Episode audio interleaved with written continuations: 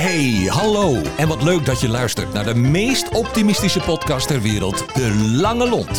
Vandaag gaan we testen of de gast bij Milo in de studio een lang lontje heeft. En de gast is... Michael Stephen Barkey. Kijk eens, Michael Stephen Barkey. En wij nemen op, uh, op zo'n dag als deze altijd, en dat weten de luisteraars inmiddels, twee podcasts op. En het leuke vandaag is dat we enorm in de kunstenaarshoek zitten. Want uh, daar hiervoor hadden we, nou ja, uh, Koning Kwast, zoals hij zichzelf noemde. En we hebben vandaag een gitarist in ons midden. Vertel eens, wie is Michael? Ik ben Michael. Ik ben de leeftijd doet er niet toe. ik wist niet, of ik, wist niet of dat interessant was. Nou ja, ik ga straks uh, vragen nee, hoe lang je samen bent. Ja, nee, weet je wel, want dan ga je zeggen van ja, maar ik voel me nog. Uh, weet je, nee. Uh, maar ik ben, wat, het vooral, wat vooral belangrijk is, is zeg maar dat eigenlijk de muziek. Uh, dat is eigenlijk hetgeen waar het om draait. En ja. dat namelijk, want dat is ook gelijk het leuke, want daar zit geen leeftijd aan. Hè. Ik oefen met jongens van 25 en met mensen van 70. Wat gaaf. En, ja, maar dat uh, uh, verder is eigenlijk, eigenlijk is het een en al muziek in mijn leven. En uh, ik heb een dochter, maar ja, die is ook met een plaat bezig op dit moment en die begeleid ik. Dus het is ook een en al muziek. Wat leuk. En wat, wat voor plaat is dat, uh, Michael? Mijn dochter is, ja, ze schrijft haar eigen muziek. En ja. Um, ik hoor muziek op de achtergrond, klopt dat? Oké, okay. ja. Ja, oké, okay, want maar dit is mijn nummer namelijk, hè? Zeker. Ja, ja. Daar gaan we um, straks even verder over praten. Ja, maar mijn dochter maakt, uh, ja, muziek... Ja, het is, het is moeilijk om te schrijven. Het zijn vrijwel rustige balladnummers, maar wel met... Je hoort zelfs af en toe John Lennon invloeden en dat vind ik fantastisch. Want dat, ik heb dat niet zo bewust gedaan, maar ik bedoel... Want waar komt deze passie vandaan? Uh, mijn vader is uh, vroeger ook muzikant geweest. Ja. En eigenlijk in de Indonesische families. Ik ken eigenlijk geen enkel familie waar geen gitaar hangt, weet je wel. En nee. bij ons was het echt zo van. Uh, ik, um, ik kwam bijvoorbeeld bij mijn oom. Ging ook weer gezellig een potje voetballen of zo. Maar ik kwam binnen. Ik, ik kwam binnen en hij zat daar met zijn kopje, kopje koffie en zijn checkie.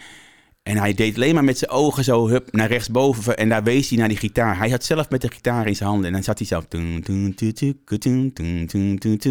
dan zat hij die solo's te spelen. Maar toen de tijd had je helemaal geen middelen. Dus je moest werkelijk live begeleid worden. Dus hij, denk, hij zag zijn kans gewoon... En hij had begeleiding. En ik kon oefenen. Dus hij wees naar die gitaar. En ik moest die gitaar pakken. En ik moest het overnemen. En de rest, en de rest, weet je wel. Nou, dus we hadden eigenlijk geen woord gesproken. En hij pakt die solootjes... En zo ging het dan. En dan was ik klaar. Nou, deden we of nog een nummertje of ik liep weg. En dan zei ik alleen, dag oom Jim. Dus oom Jim is eigenlijk verantwoordelijk geweest dat jij de eerste tokkeltjes hebt gemaakt? Kijk, mijn, nee, mijn vader. Mijn okay. vader is eigenlijk helemaal aan de basis. En met mijn vader heb ik ook leren songs spelen. Dus de Beatles en Elvis en, en, en de Eagles en zo. En... Uh, Emmylou Harris, wat net ook veel. Dus veel country hè, in de dingen, in de, bij de Indo-families. Um, maar, dus hij heeft mij wel het begin geleerd. Alleen oom Jim heeft ervoor gezorgd dat ik echt dat kreeg. Weet je, want, want oom Jim die bleef niet stil. Mijn vader, bij hem hield de muziek op in de jaren 70. Maar oom Jim hoorde ook de police en dat soort dingen. En die deed mij voor van zo doe je dat. En toen, oh, ik raakte... Ik dacht, ja, nu nog, als ik erover weet, dat zijn zulke mooie momenten dat je dat, dat je dat ontdekt van, oh, dus zo spelen ze dat. Ik kan dat ook. Ik kan dat ook, weet je wel. Even voor de luisteraars, ja. want nogmaals, dit is natuurlijk gewoon radio. Daar zit nu iemand echt met zo'n ongelofelijke passie en bevlogenheid een verhaal te vertellen. Want je ogen beginnen er helemaal van te stralen. Ja. Dus dat wil ik even de luisteraars nog meegeven. Hey, toen oom Jim en nogmaals papa, die hebben dus uiteindelijk gezegd, pak die gitaar in handen. En toen? Ik bedoel... Uh, Uh, en toen, ja, ik, eigenlijk uh, denk ik, het was, de bolle kwam binnen toen ik acht was. Want toen daarvoor hadden we een elektrische en die boeide me niet zo, want ik hoorde namelijk niks hij had geen versterker. Maar de bolle kwam binnen, er was een man die heette, heette Rino, die kwam met zulke wijde pijpen, dat was in de jaren zeventig, kwam die binnen. En hij zei tegen mijn vader, hey Jack, is dit niet wat voor jou, die akoestische gitaar? En toen als het ware, ik keek daarnaar en ik heb hem geprobeerd. En ik dacht gelijk, wow, ik hoor Hey Jude. Ik kan nou Hey Jude spelen. En, en erbij zingen. En het was helemaal... Ik denk, dat is eigenlijk alles wat je nodig hebt. Ik denk, het is, ja, de muziek hangt in de lucht. Hè? En ook als je het zelf maakt, is het nog mooier, vind ik dan zelf. Uh, en um, toen is het eigenlijk begonnen. En ik denk dat ik eigenlijk vanaf die dag bijna geen dag geen gitaar gespeeld heb. Wat niks zegt over mijn kwaliteit over. Want die zijn veel te min als je dat zo bekijkt. Maar, maar eh, ik heb gewoon, gewoon heel veel passie ervoor. Ik heb heel echt liefde voor die gitaar. Ik vind het gewoon heerlijk om. Ik zou nu het liefst ook nog met de gitaar tussen mij in. Weet je wel, zo bij wijze van Je had het liefst nu met de bollen Ja, op je schoot gezeten. Ik heb me heel vaak, eh, bij mijn broer staan ook gitaren. Mijn oudste broer speelt wel, maar mijn jongste niet. En soms pak ik die gitaar wel en dan zit ik gewoon op te leunen. Dan leun ik alleen maar tingelijk af en toe wat. Maar gewoon het gevoel van... Maar dat is- was eigenlijk namelijk... Bij, dat was normaal bij mijn ooms en bij mijn vader. Want er hangen altijd twee, drie gitaren. Dus je pakt gewoon een gitaar. En dan ga je soms meespelen, soms niet. En dan, leun je er een beetje op. Het is een Want, ik, dingetje. want je zei in het voorgesprekje, toen wij elkaar net eh, voor het eerst ontmoetten... jij hebt 25 gitaren thuis. En ja, ongeveer wel, ja. ja. daarvan heeft een naam. Ja, En die heet... de bollen. Want dat was die man met die brede pijpen, die kwam aan. Ja, en die die, kwam die de is een Ja. rode draad door jouw leven. Ja, ja daar, daar begon ik dus eh, echt, daar begon het echt mee. Dat ik, eh, en, en elke keer kom je mensen op je pad tegen die je nog fanatieker maken en nog meer en, en invloed hebben op jouw muzikale en ook dus ook op mijn leven. hè. Dus dat betekent nogmaals, die bollen, want ik bedoel even, dat zei je er net ook. eh, eh, eh, je gaat een feest geven. Ik denk dat ik over drie jaar eh, een feest ga geven, inderdaad, want dat zijn de bollen en ik, dus 50 jaar bij elkaar. De bollen en jij Ja, 50 bij ja, elkaar. ja. Een gitaar. Die, en waarbij je zelf zegt, het is voor de rest geen bijzondere gitaar. Nylon, Snaar, ja, snaren. Maar, maar da- daar zit, dat, dat is uiteindelijk de liefde samen met je dochter. Ja. En weet je even, maar, Maar dat we- is de liefde van je leven. In de wat de muziek betreft, absoluut. Ja, eigenlijk wel, ja. Wat gaaf. Hey, even, want daar zijn we natuurlijk altijd naar geïnteresseerd. Je, hebt, je noemde de Beatles, de Eagles, die overigens eh, volgens mij over twee weken optreden in het Ziggo Dome. Eh, maar wat, waar, waar, waar, waar, ben jij, waar, waar word jij het meest blij van? Nou, ik zeg altijd, soms wordt er wel eens gevraagd om een top 10 lijstje te maken voor Ja. van nummers of, voor, of van platen, weet je wel. Ja. En, eh, ehm, en dan vraag ik altijd met of zonder de Beatles. Oké, dus met andere woorden, op het moment dat het met Beatles is, dan staan er negen? Beatles-songs in. Ja, de Beatles staan helemaal daar, helemaal, weet je aan de top. En daarna komt heel lang niks en dan komen er een aantal andere bands. Maar de Beatles neem ik heb bijvoorbeeld een favorietenlijstje in mijn Spotify-lijst, maar er zit, denk, zit geen Beatles bij. Dat kan niet, want die staan namelijk boven de rest. Dus die Beatles zijn echt alleen maar apart. En de rest heb ik wel hele goede muziek, zoals Bowie en 10cc en wel, weet je, hele goede bands. Maar de Beatles zijn allemaal los daarvan. Die staat los van dat. Dus ik, net als in mijn kamer, heb ik de Beatle-collectie zo, de, de, de collectieplaten hangen. En ik breng af en toe mijn jonge leerlingen daarmee naartoe, mee naartoe. Om uit te leggen wat er gebeurd is tussen 63 en 1970. Weet je, dat is Dus ja, maar dus onwaarschijnlijk. jij de Beatles, ja, de Beatles is gewoon, dat is, dat is alles. Dus jij vindt het geheel terecht dat het Beatle Museum gewoon ook in Alkmaar is? Ja, ja, ik ben er onlangs nog geweest zelfs, met mijn dochter ook. Ja, want, ja, want ik ken Azing eh, ook al jaren. En Ja. ja, ja dat, eh, die is net zoals ik, hè, maar dan op een andere manier, hè, in Ja. de Beatles. Maar eh, dus we daarin vinden we elkaar natuurlijk, dat is hartstikke leuk. Ehm, eh, maar ja, ik, ben, ja, ik, vind het hartstikke, ik vind het hartstikke tof. Ik ben laatst geweest. Ik was er echt eh, wel trots op. Het zag er echt gigantisch geweldig uit. Wat is nou het... eh, dat- Dit is vragen, heel gevaarlijk dit. Maar wat is nou het allerbeste nummer van de Beatles? Strawberry Fields Forever, voor mij. Hopper dan, neem ik kwalijk. Ja. Ik denk, daar gaat hij over nadenken. Nee, maar ik dat heb zelfs de twee en de drie al klaar, weet je wel. Maar Omdat namelijk, dat is namelijk eerlijk waar, dat is net alsof ik getrouwd ben met iemand. Ik heb, ik heb Strawberry Fields al gekozen dat ik eigenlijk acht was. En het is nooit weggegaan, omdat alles in het nummer zint mij gewoon. En alles in het nummer is, elk onderdeeltje is een, weer een bron van inspiratie. Elk stukje. Het is zo geweldig wat ze daar gemaakt hebben in, in die tijd, hè. Nog wel. Ik, ik denk dat je even iets moet vragen over de Rolling Stones. Oh, die vind ik heel goed hoor. Oh, Ja, Ja, oh, ik heb super heel respect. goed. Oh, hele- maar Ja. dat, kan- dat mag toch helemaal niet? Ja. Als je, dat, wat is dit nu? Ja, Ja. dat is ja. Dit is de, dat is. eh, ehm, dit is zeg maar waar Bob Dylan het eigenlijk over heeft gehad. Dat je eigenlijk bent stil blijven staan in een tijd. Want tegenwoordig is het anders. Oh.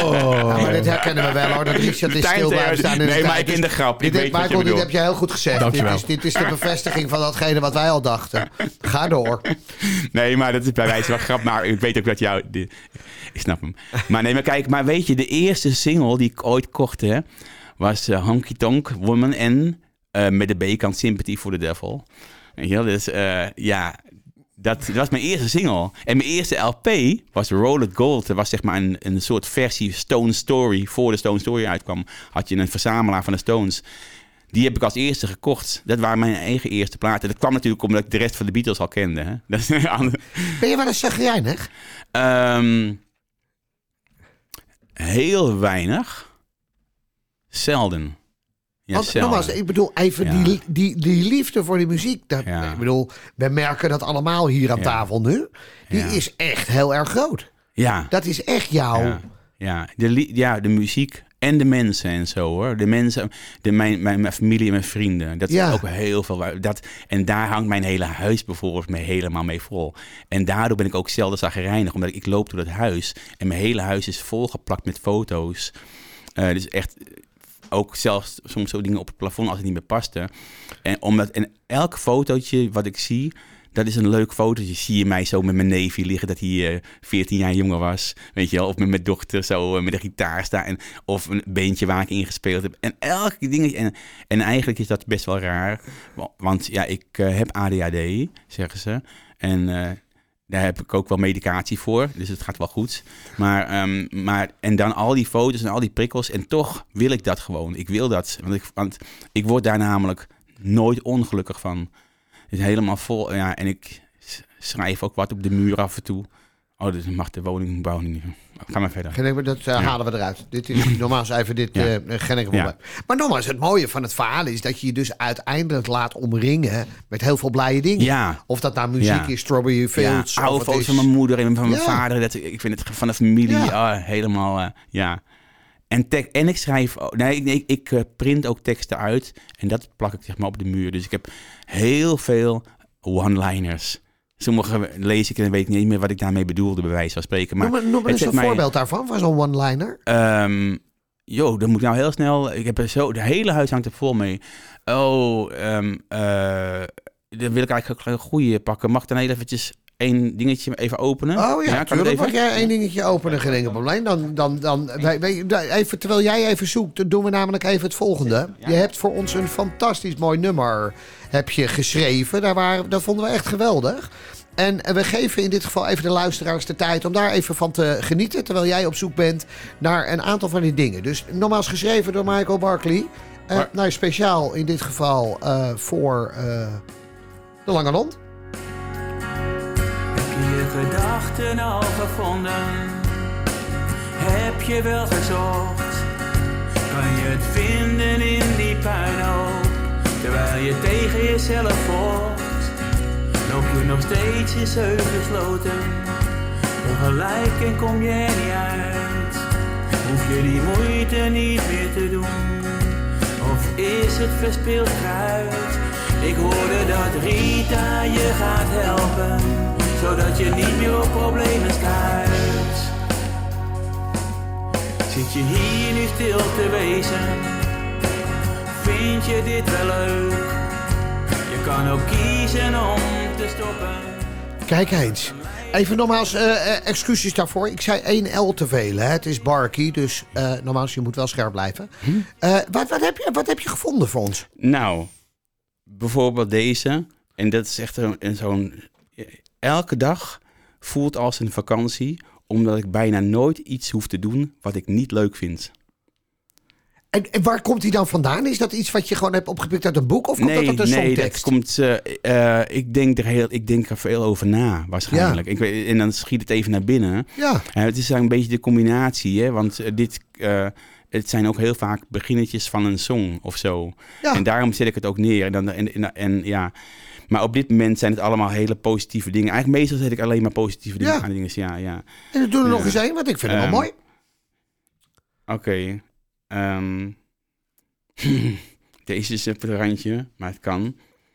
Het is mij aangeleerd dat het niet pluis is in de wereld waar ik naar verlang. Maar nu ik er ben, geniet ik alleen maar. Kijk eens even. Dus, dat betekent, even dus je, je- wat je doet, is dat je, je, je... Dat komt binnen, dat schrijf je op. En dan is het vaak het resultaat, is dat je daar een nummer omheen Ehm, maakt. dat, dat kan gebeuren, maar ik hang het ergens op in mijn huis en dan loop ik er langs en dan lees ik het weer en denk, oh ja, ik ga dat, ik, ik, oh ja, dat kan, of ik heb het net nodig in een stukje nummer, in een stukje tekst. Oh, dat moet ik hebben. Ja, zoals ook bijvoorbeeld met, met Rita Ja. heb ik ooit geschreven van, eh, is de bron de oorzaak, of is, nee, hoe zing ik het nou? Ja, Is de bron de oorzaak of is het lontje te kort? Zoiets. In de, ik Ja. ken de volgorde nu niet meer. Maar, maar dat is ook ooit een keer opgeschreven. En toen op een gegeven moment, toen liep ik daar langs of zo. En dan, en dan pik ik het op en denk, oh, dat past precies op dat stukje. En qua tekst en de timing, eh, voor de, de, het aantal lettergrepen en zo. Of zoiets, weet je Kijk, wel. het beeld wat wij er nu bij hebben, tenminste ik bij heb, is dat jij een huis hebt wat vol hangt met gitaren. Wat, wat, wat aan elkaar hangt van muziek. Mooie, inspirerende en positieve teksten. Weet je? Ja, En, en ja. bedoel, even, jij laat je dus eigenlijk gewoon inspireren door je thuis. Ja. Wat mooi. Ja, het is eigenlijk, ja, soms zeggen ze ook wel eens, noemen ze het ook wel eens een soort van een kinderkamer voor, van een volwassene. Ja, een soort kinderkamer. ja. Want ik knal alles, maar de, bijvoorbeeld de, mijn leukste bands, ik druk dan ook de foto's af van het internet. En de leukste bands hangen daar. En bijvoorbeeld in de ingang van mijn leerlingen hangen al mijn leerlingen die ooit bij mij zijn geweest, zover het nog kan. Weet je wel? En eh, ja, het is ook, het is overal, kan je, valt wat te zien. Er valt overal wat te zien. Dat was toch heerlijk. Ik bedoel, ik ken een heel groot pianist die in dit geval eh, ook een kind is. En zijn hele kasteel vol heeft gegooid met allerlei Mickey Mouse en Dows en. En iedere, iedere mouse die er is. Ik bedoel, even wie wie is wat dat betreft. Kijk, Dit hè? vind ik mooi, want je noemt het, maar ik heb daar een keer moeten optreden met mijn beentje. En toen heb ik ook boven in die bioscoopzaal, en dan zag je allemaal, ik, vond dat, ik vind dat heerlijk. Ja. Daar pas ik helemaal bij. Dat, vind ik, dat, Ja. dat is mooi, dat soort dingen. Is toch zalig? Want hij doet gewoon wat hij wil, Ja. weet je wel. En dat is wat ik ook doe eigenlijk. Ik doe Ja. gewoon wat ik wil. Kind zijn is toch heerlijk? Ja. Ik bedoel, laten we eerlijk zijn. En met name doen wat je wil is het mooiste. Hey, we gaan even terug, want dat is toch wel interessant. Je hebt ook nog even de wereld rondgetoerd. Nou ja, ja, ja ik heb, eh, dat zeg ik dan altijd heel stoer. Hè? Van, dus dat klinkt mooi, mooi dan het is. Maar ik heb inderdaad gewoon wel in Amerika gespeeld. En ik heb in Europa gespeeld. Ja. Met een band. En dat, ja, dus, ehm, ehm, en dat was, ja, dat was met mijn vriend, met mijn boezemvriend Patrick Tilon. hè, de zanger van Urban Dance Squad. En eh, Junkie, Excel. En ja, maar ook altijd mijn vriend geweest al vanaf jongs af aan. En Ja. eh, dat is altijd zo gebleven. En met hem heb ik in de League of Ex-Gentlemen gespeeld.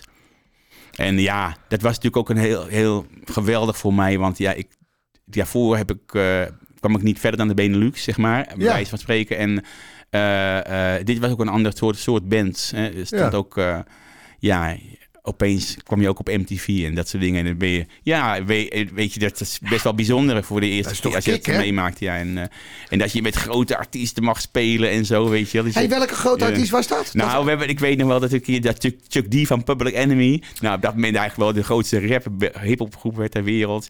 Ja, daar heb ik dan wat nummers mee moeten begeleiden, weet je wel. En dat vind ik wel super cool. En ja, gewoon die tijd dat ik die eh, meemaakte ook... dat is toch ook van die flavor die altijd Ja. van die enorme grote Ja, klokken om zijn ja, nek heeft Die jongen, ja. Ja. Van, die, van die band van Public Enemy. Wat Dat goed is, eh. Ja, en, en ja, gewoon, ik heb, ik, ik heb bijvoorbeeld een keertje zo met Lou Reed gezeten.